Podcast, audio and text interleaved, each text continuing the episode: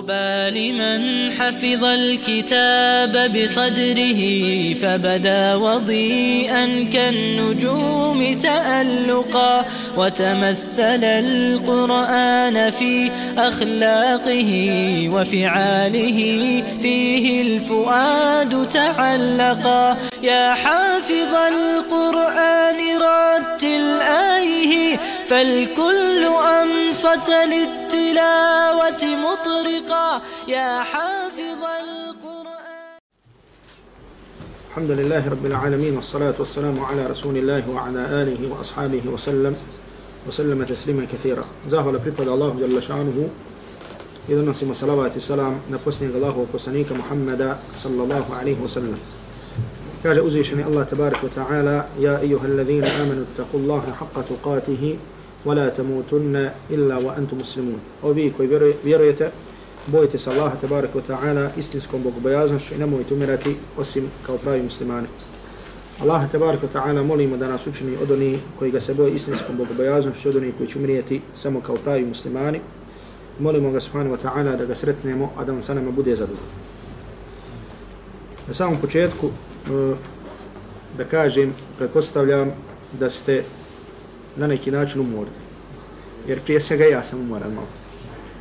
Znači, evo, hvala Allahu Đerlašanu, priveli smo kraju ovo naše druženje, gdje smo 5 dana se aktivno družili sa e, ovim predavanjima koje smo slušali.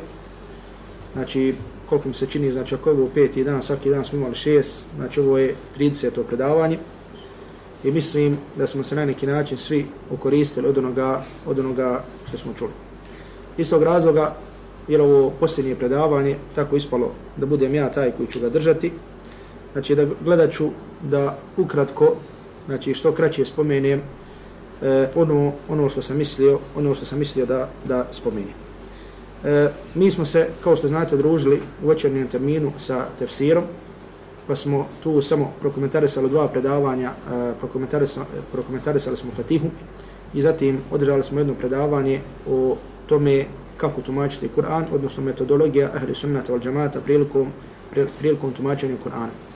Ono što sam večeras mislio da spomenem e, je na jedan način možemo nazvati kako živjeti sa Kur'anom ili da kažemo Kur'an kao lijek za naše svakodnevne bolesti ili da kažemo svakodnevna, svakodnevna iskušenja.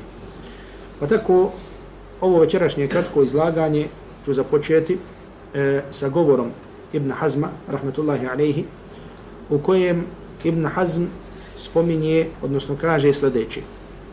Kaže, tatallabtu garadan, jestavi nasu kulluhum fi istihsanihi wa fi talabihi.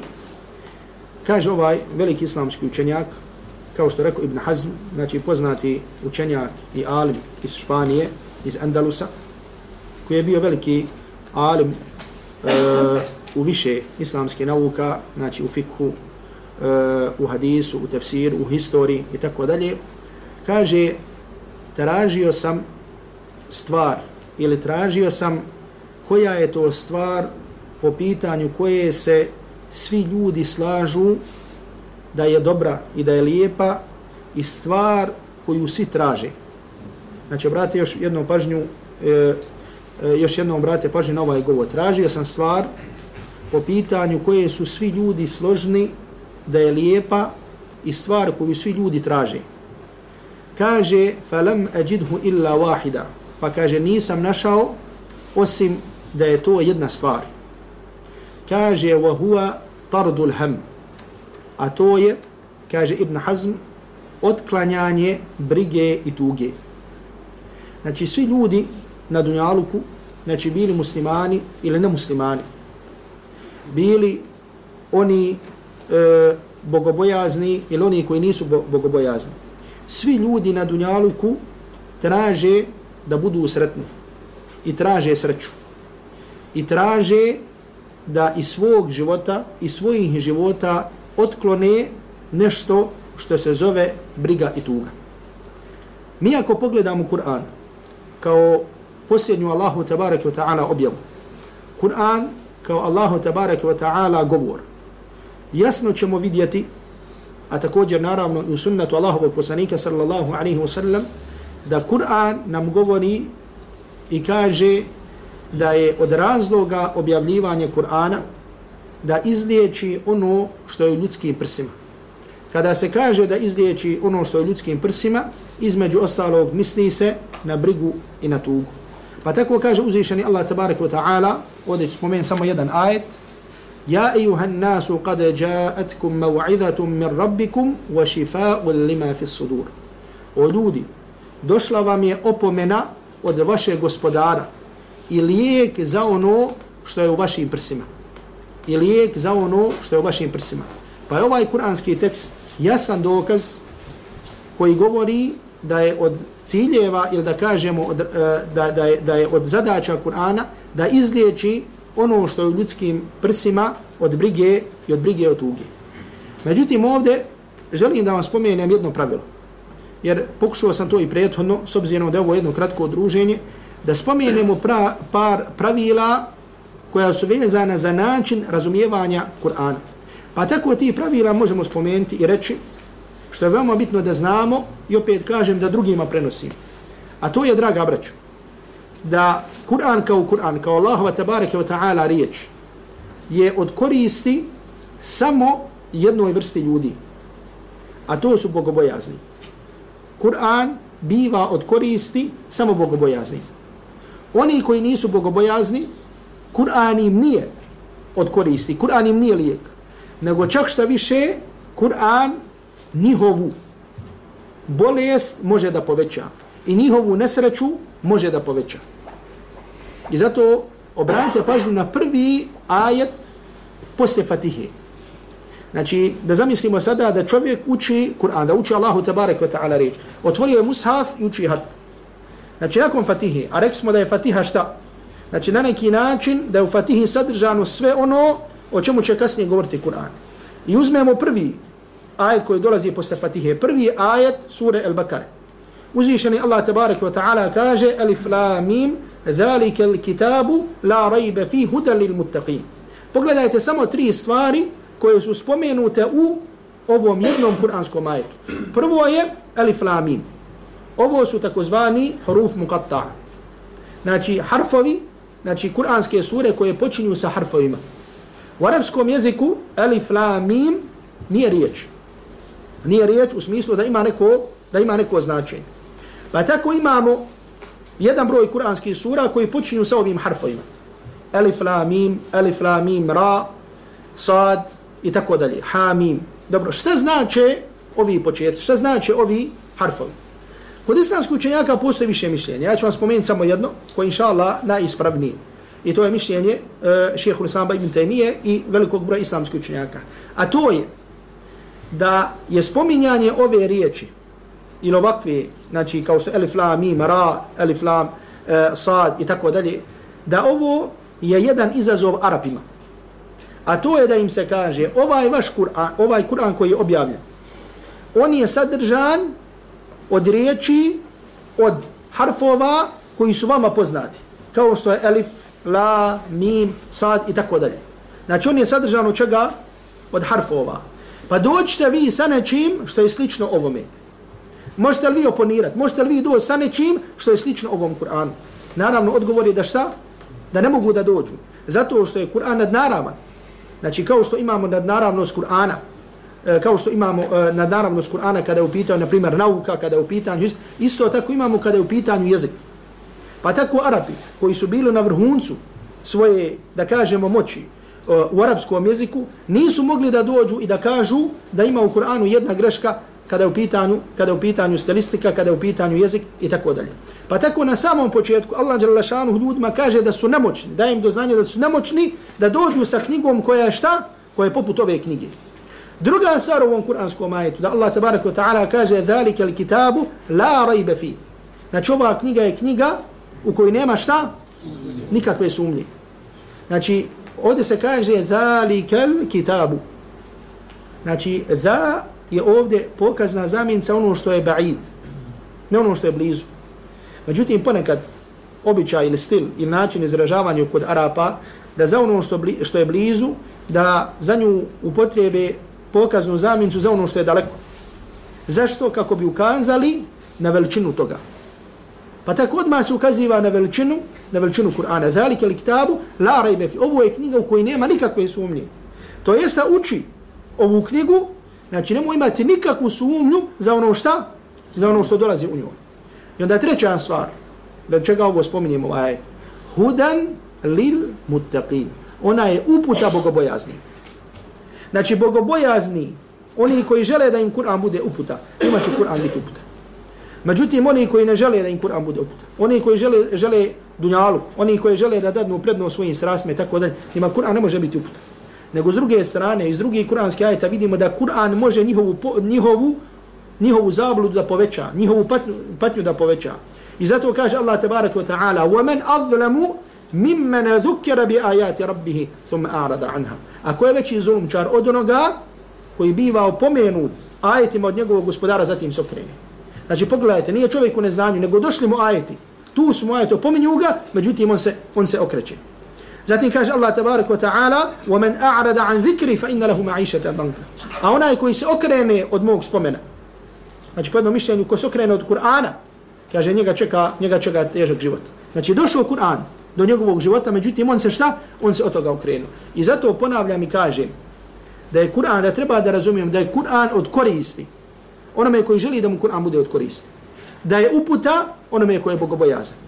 I zato, znači, e, zato ovdje kažem, e, zato kažem i napominjem, znači da čovjek kada uči Allahu tabarak wa ta'ala knjigu, Znači, normalno, treba, treba sebe da podsjeti na ihlas, na iskrenost. Međutim, od stvari na koji trebaš sebe da podsjetiš, jeste, znači, da prilaziš Allahu i tabarak wa ta'ala knjizi, Allahu i tabarak wa ta'ala uputi, kako bi ti Allahu i tabarak wa ta'ala knjiga, kako bi ti Allahu uputa u istinu, u istinu, u istinu bila uputa. Dobro.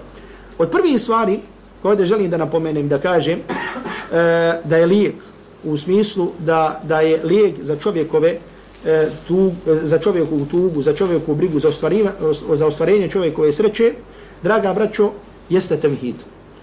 Jeste da spoznamo Allaha tabaraka wa ta'ala onako kako Allah šanu od nas hoće. Odnosno onako kako je došlo u Kur'anu i sunnetu Allahovog Rasula sallallahu alaihi wa sallam. I zato znate, e, oni, oni od vas koji su slušali e, komentar kitabu tevhida i tako dalje, da kada se govori o vrijednosti tevhida, o fadilatima tevhida, da se spominju oni koji su haqqaku tevhid, koji su to jeste koji su na tevhidu i koji nemaju nikakvi primijesa širka, znači naravno kako veliko, tako niti malog.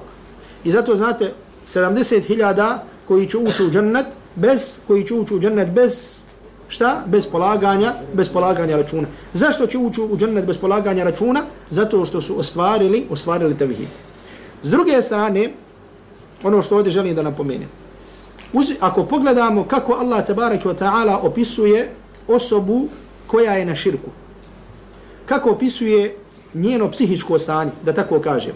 Uzvišeni Allah tabaraka wa ta'ala u suri Al-Hajj kaže وَمَنْ يُشْرِكْ بِاللَّهِ فَكَأَنَّمَا خَرَّ مِنَ السَّمَاءِ فَتَخْطَفُهُ الطَّيْرُ أَوْ تَهْوِي بِهِ الرِّيحُ فِي مَكَانٍ سَحِيقٍ Kaže, onaj koji učini širk, Allahu tabaraka wa ta'ala, kaže fa ka annama takhtafuhu at-tayr kaže on je poput onoga znači koji padne sa neba فكانما خر من السماء فتخطفه الطير. Kaže on je poput onoga koji padne sa neba pa ga ptica raznesu. Au tahwi bihi rihu ili ga kaže vjetar odnese na daleko mjesto znači šta iz ovog opisa možemo vidjeti? Znači možemo vidjeti što ljudi kod nas na primjer kažu sličan ovome primjeru. Kaže čovjek ne zna jel na, jel na nebu ili, ili je na zemlji. Znači ne zna on gdje je. Znači, toliko čovjeka zade se iskušenja, toliko ga zade se muke, da čovjek ne zna gdje. On je tu, međutim nije tu. On gleda u tebe, međutim u stvari ne gleda u tebe. Zašto? Radi musibeta, briga koje su ga, koje su ga zadese. I zato, pored to sa ovim kuranskim opisom, da onaj koji učini širk, Allahu tabaraka wa ta'ala, znači ovdje se može razumiti onaj koji čini mali širk, znači širk u namjerama, i tako dalje. A znate šta je mali širk? O tome smo, o tome smo govorili. Znači njegovo je stanje kao da je pao s neba. Znači ne zna gdje je. I dok padne s neba, znači ptice ga raznesu. Ili ga to odnese u neko daleko mjesto, nije on ne zna gdje. Međutim, dok čovjek kada je na temhidu, znači tem, temhid ispoznaje akide, čine da čovjek bude stabilan. Napominjem, znači čine da čovjek, i zato od najbitnijih faktora kada je u pitanju stabilnost jedne ličnosti jeste da ta ličnost bude na bude na temhidu. Da ta ličnost bude na temhidu. I ovdje ste imali priliku da slušate od našeg brata da ga Allah nagradi Midhada o veoma bitnoj stvari. A to je historijat pravednih halifa. Znači pogledajte ako počnemo poslanikov sallallahu alaihi wa sallam poziv. Znači šta vidimo sad da je počeo, počeo sa temhidom.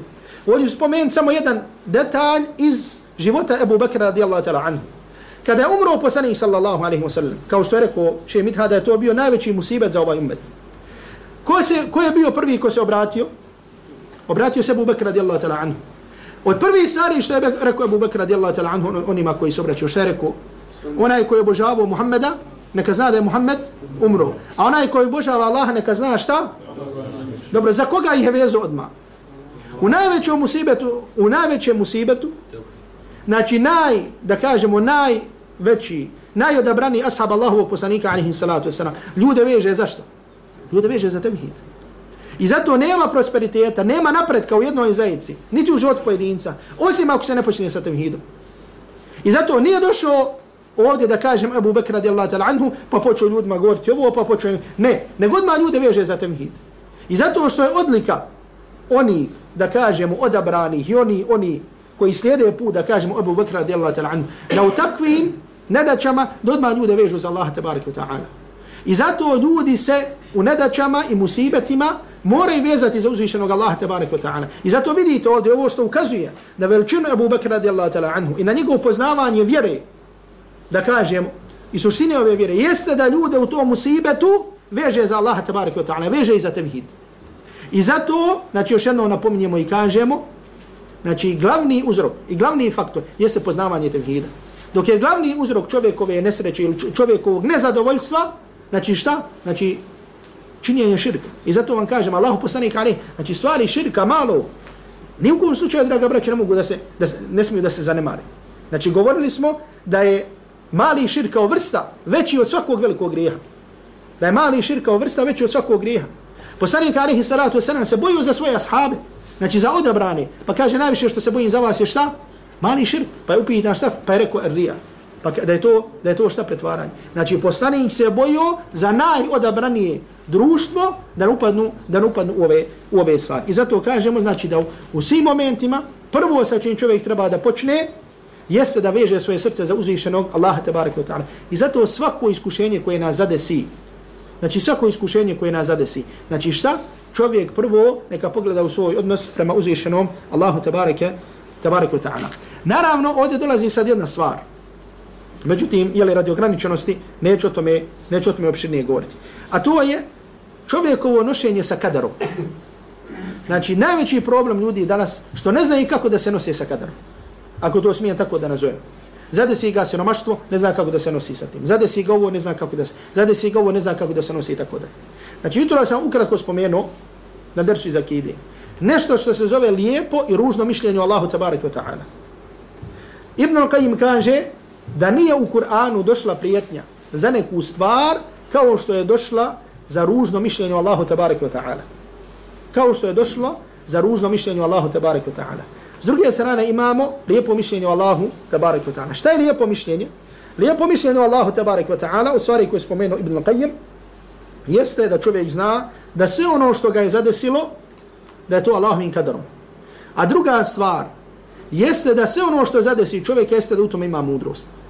Čovjek u tom momentu vidio ili u tom momentu ne vidio. Međutim, da budeš ubijeđen, znači desilo se da si zapao u, da kažem, u siromaštvu. Allah u tome ima mudrost. Desilo se ovo iskušenje, u tome ima mudrost. Ti možda vidiš, možda ne vidiš, međutim u tome ima mudrost. I da, da to da kažemo prihvatiš, da u tome ima mudrost.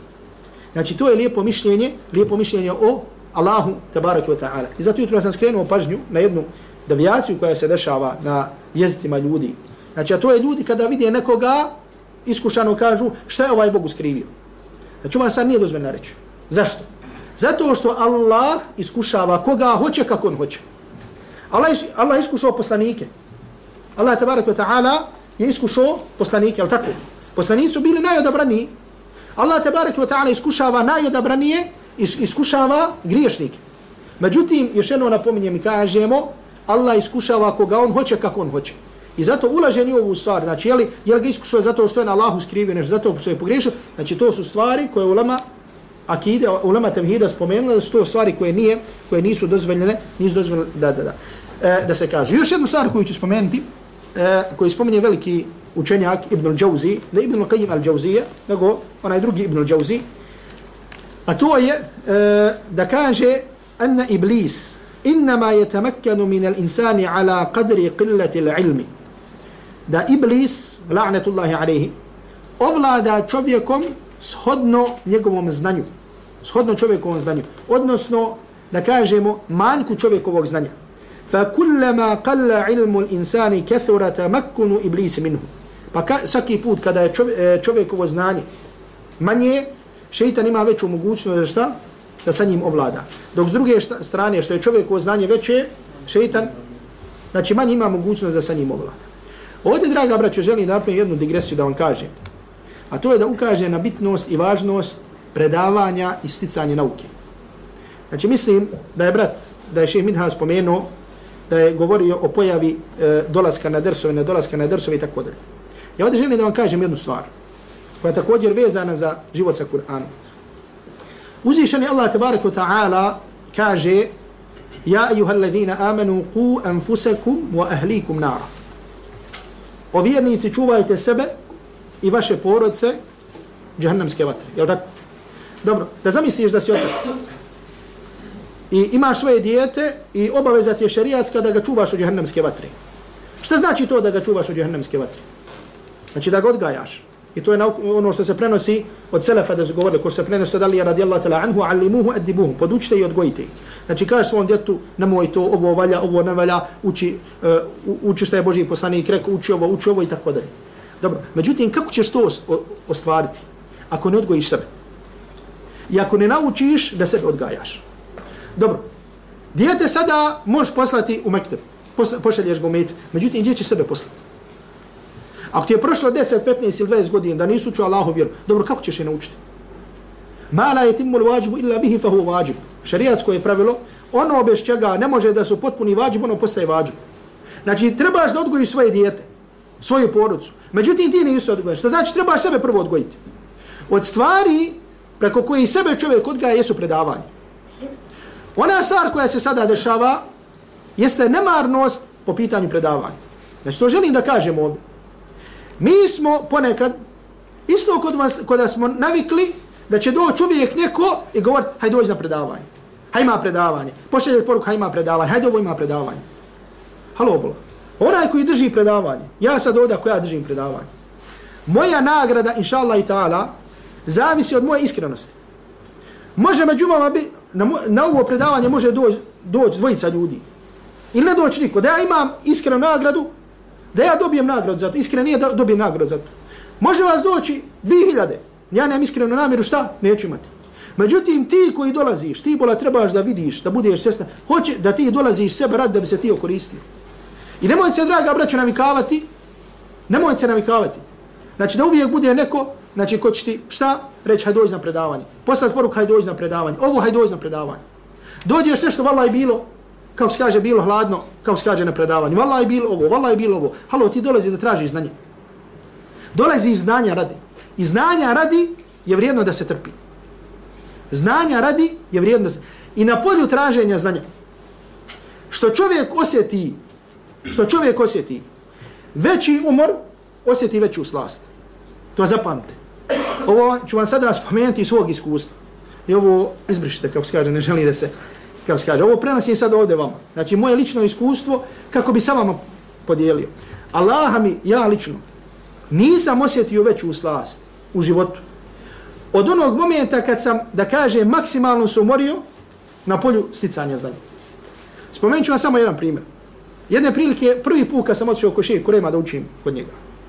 Znači, ukazala mi se prilika da odijem da učim ko šeji kurema, znači u moment kad nisam imao para. Prvo, pozajmio sam pare da odijem do da odem do Damaska. Drugo, došao sam u Damask, nisam imao što skaže Marki. Došao sam da pitam kod jednog brata da spava, kod njega da ga Allah nagradi. Znači ovo da ga Allah nagradi i džanet govede radi ovoga. Znači, ko čovjeka dvije sobe, kako se kaže, dvije sobe ima, nema gdje da spava. Ima, kaže, jedino na balkonu. Rekao sam, ako može na balkon, Allah te nagradi. Allahom, ja sam skoro sedmicu dana spavao kod čovjeka na balkonu. To je najveća slast koju sam osjetio i imam i dan danas se sjećam osjećaja toga. Znači, to sam po noći. Po danu sam znao, znači, naći negdje neki park ili nešto, razumiješ, reći da malo odspavam i dalje. Ovo spominjem ovdje samo vama, nisam prije spomenuo. Znači, i dan danas se sjećam tog osjećaja. I hoću da vam kažem da čovjek što osjeti više umora na polju sticanja znanja, znači to, i zato braća koje su došla na ovaj seminar iz daleka, znači, pa jeli, mi smo ovdje organizatori gledao da obezbijedi koliko može, pa bilo je sigurno umora, bilo je ovoga, ali Allahu robi, dolazite znanja radi. Znači, dolaziš nigdje na predavanje znanja radi, nemoj sebe la misliti da će ti biti serviran. Onda kada ti je sve servir, ne zna čovjek to, ne zna to čovjek, ne zna to čovjek da cijeni.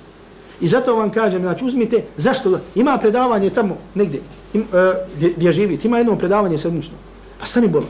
To predavanje se govori o Kur'anu i sunnetu. Onaj koji govori, je, je, je li ispravno govori ili ne govori ispravno? Je li, je li šija, je li rafidija, je li ne znam šta? Je li novotar pa da mu ne dolaziš? Međutim, ako ima čovjek drži, na sunnetu govore Allahovoj vjeri. Pa kako ćeš bol Allahu džavab dat, odgovor dat? Ako se u tom momentu nalaziš na nekom drugom mjestu. Znači ima mjesto, znači, a, sami znamo kako su ova naša mjesta po pitanju griješenja, ovoga, onoga i tako dalje. Znači ima mjesto i u to mjesto koje je prepuno kufra, širka, griješenja, neko govori Allahu vjeri. I ti dopustiš da te u tom momentu Allah vidi na nekom drugom mjestu, a ne na mjestu gdje se govori o Kur'anu i sunnetu Allahu poslanika, alihi salatu wasalam. Ovo je što kaže Arapi, bila ta'aliq. Neću ništa reći na to. Znači neka svak sam sebi dadne odgovor, neka sam sebi dadne odgovor, odgovor na ovo, odgovor na ovo pitanje. E, još jednu stvar koju sam želio da spomenem, a to je e, da, draga braćo, druženje sa Kur'anom. Druženje sa Kur'anom je to koje, koje odgaja naše duše. Znači ne e, sjedenje, ne ispijanje kafe, ne, e, ne Facebook, ne, ne znam šta, nego druženje sa Kur'anom je to koje odgaja, koje odgaja naše duše. Ja ovdje ne kažem, znači ove društvene mreže koje imamo, znači mogu da ponude korist. Međutim, nije to mjesto da kažem, nemoj misli da ćeš tu odgojiti svoju dušu da bude na Kur'anu i sunnetu Allahovog Rasula sallallahu alaihi wa sallam. Spomenut ću vam samo ukratko, uh, znači, osnovu za ovu stvar, jer normalno znate, znači, među filozofima je bilo pravaca koji su mislili da čovjek ne može svoju dušu promijeniti. Znači, da je čovjekova duša, znači, kada je u pitanju moral i tako dalje, etika, znači da je nepromjenljiva. Znači, čovjek kako se je rodio, takav će umrijeti. Naravno, ovo je suprotno sa strane Kur'ana i sunneta. Zašto? Zato što uzvišeni Allah tabaraka wa ta'ala na toliko mjesta i sunnetu Božijeg poslanika, alihi salatu wasalam, traži se od nas da očistimo svoje duše, da ih popravimo i tako dalje. Pa tako dokaza koji ukazuje na ovo, jesu riječi Allaha tabaraka wa ta'ala, la uksimu bi jevmi l'qiyamati, wa la uksimu bin nafsi l'awame. Kaže, kunam se sudnjim danom. I kunam se dušom, dušom koja samu, koja samu sebe kori. Znači, od značenja nafsu l'awame jeste duša koja kori samu sebe. Pa prenosi, spomni Ibn Kesir u svom tefsiru od Hasan al-Basrija, radijallahu ta'la anhu, da je Hasan al-Basri govorio, inna mu'mina wallahi ma narahu illa jelumu nefsahu. Kaže vjernik, kaže vjernik, kaže tako mi Allaha, kaže ne možeš ga vidjeti osim da kori svoju dušu. Kaže ma aradtu bi kalimati, wama aradtu bi aklati, wama aradtu bi hadithi nafsi. Kaže vjernik uvijek sebi govori, a šta sam tio sa ovom riječu? Šta sam tio sa ovim zalogajem? Šta sam tio sa ovim što sam pomislio? Znači uvijek kori svoju dušu, šta sam mislio s ovim, šta sam mislio s ovim, šta sam mislio s ovim. I zato Allahovi robovi, samokritičnost čovjeka prema samom sebi je ta koja će uroti plodovi. Ako čovjek kaže, vallaj, na primjer, ovaj dan, kako ga provodim, to je u redu.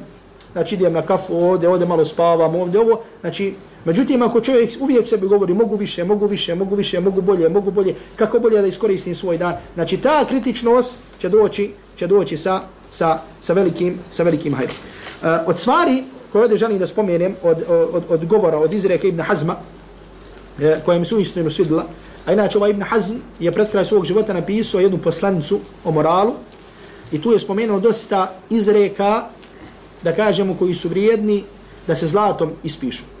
Od tih izreka jeste da kaže Ibn Hazm. A ovdje kad kažem, e, kada spomenu, na primjer, nekoga koji je poput Ibn Hazma, znači zamislite, to je rekao nakon dugog, dugog, dugog života, koji je bio prepun nauke, učenja, kritike, odgoja svoje duše i tako dalje.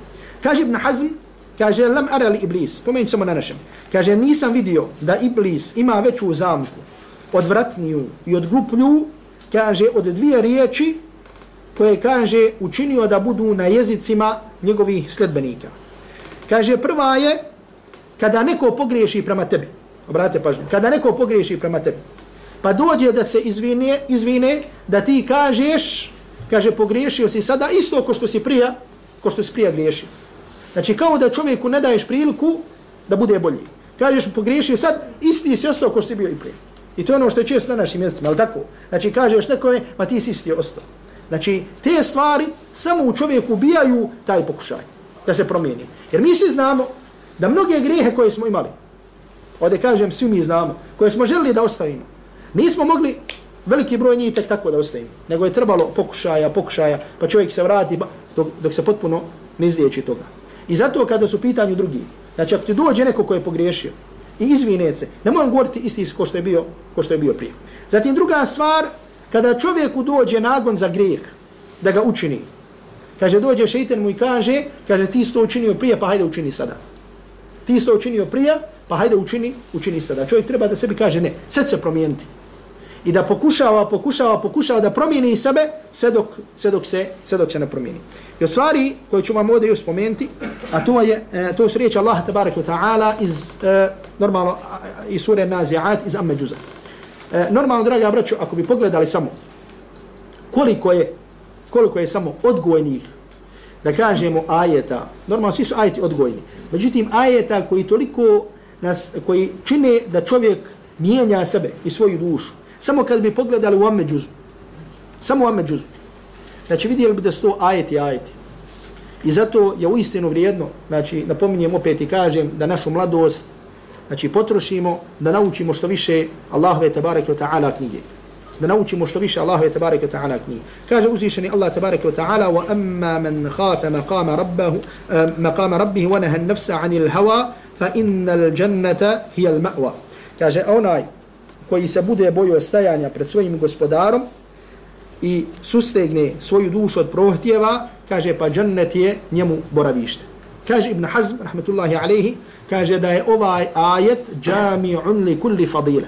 Da ovaj ajet obuhvata svaku dobru osobinu i svaku vrijednost. Znači ovaj ajet obuhvata svaku dobru, odnosno podstiče na svaku dobru osobinu i na svaku i na svaku vrijednost. I zato vjernik od govora koji ću još ovdje spomenuti od Ibn Hazma, jeste da kaže Ibn Hazm, kaže fa inna la aqila la yara li nafsihi thamanan illa al janna. Jer kaže onaj koji je razumom obdaren, kaže ne vidi za sebe drugu nagradu. Ne vidi za sebe drugu nagradu i drugu cijenu osim dženneta. Znači to je ono što je prva i što je konačni cilj i želja i želja jednog i želja jednog vjernika. I ne samo da kažemo ulazak u džennet, nego najveća nagrada stanovnika dženneta. Jer veliki i jaki ljudi, znači postavljaju za sebe velike, velike ciljeve. I ashabi Allahovog poslanika, alihim salatu wasalam, su imali velike ciljeve. Allahov poslanik, alihim salatu wasalam, je odgajao da imaju velike ciljeve u svojim životima. Allahov poslanik, alihim salatu wasalam, znači pogledajte ovdje, uh, na primjer, mogli bi eh, uh, uzeti lijepe, na primjer, uh, kako je Boži poslanik, sallallahu alaihi wasallam, vezivao ljude za neke, da kažemo, prirodne pojave. Naprimjer, kada kiša pada, Allahu poslanik alihi salatu wasalam ima običaj šta? Da skine što imao na glavu pa da to padne na njega. Pa je govorio, hada hadithu rabbi min rabbi. Hadithu ahadi min rabbi. Kaže, ovo je sada od mojeg gospodara. Pa Allahu poslanik alihi salatu wasalam jedne prilike je bio ashabima pa su ugledali mjesec. Znači mjesec je bio, mjesec je bio pun. A mjesec inače znamo, znači inspiracija za koga, znači za pjesnike, za zaljubljene i tako dalje, pa govore lijepa si ko mjesec, pa kad vidi mjesec toliko pišu poezije i tako dalje. Allahu poslanik alihi salatu salam kad je vidio mjesec, šta je rekao ashabima? Obratio im se.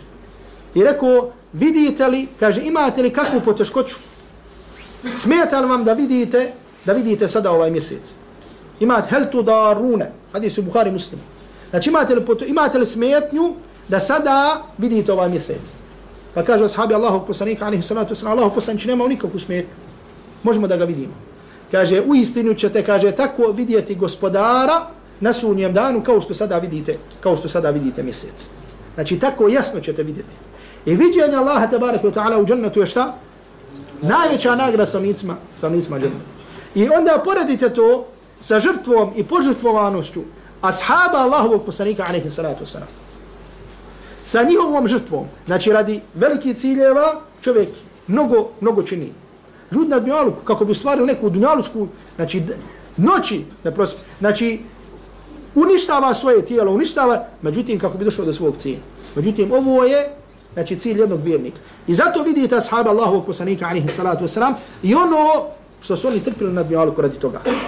I zato sam spomnio primjer ashaba Allahovog poslanika alihi salatu wasalam koji je došao do mora, nije mogao više, pa je ušao u vodu do ovdje, pa kaže gospodar do ovdje mogu, više ne mogu. Znači do ovdje je samo mogućnosti bio došao da širim, da širim tvoju vjeru, više ne mogu. I zato Allah dao svako dobro, draga moja braća. Znači ovo govorim prvo o sebe, onda vam. Znači moramo da budemo ljudi velikih, visoki, veliki, visoki ciljeva. Znači vjernik, mladić koju opet napominjem u godinama mladosti, spoznao Allah tabaraka wa ta'ala, na sunnatu Allahovog Rasula sallallahu alaihi wa sallam, ne može da bude lijen. Ne može da bude osoba koja nema nikog cilja. A vallahi ovo danas i tekako primjer. Znači dođe, Allah mi ljudi danas žive od danas do sutra. Znači žive od danas. Šta će sutra? On veze nema. On nema plan za sljedeću sedmicu, za sljedeću godinu. Nema plan ni za što. Znači vidiš ga šta? Živi. Hoće, hoće mu čeka da mu dođe melek smrti da mu uzme dušu. Da se Bog da i zato priprema, alhamdulillah, bilo. A čuj, vjernik ne može da, da tako bude. Da nema nikakvih ciljeva. I zato vam kaže, moramo naučiti sebe, odgojiti sebe, da budemo ljudi veliki ciljeva. Da budemo ljudi koji će imati velike ciljeve, koji će biti od korist za islam, za islam muslimani. Da kažeš, vallaha, želim da imam tako velike ciljeve da muslimani od mene imaju korist. Bilo da se radila trgovina, bilo da se radilo nauka, bilo da se radilo uspješnom svome, uspješnom ovome i tako dalje. I zato, znači ovo želim na, na, na kraju da vam povežem sa onim što smo imali priliku da slušamo.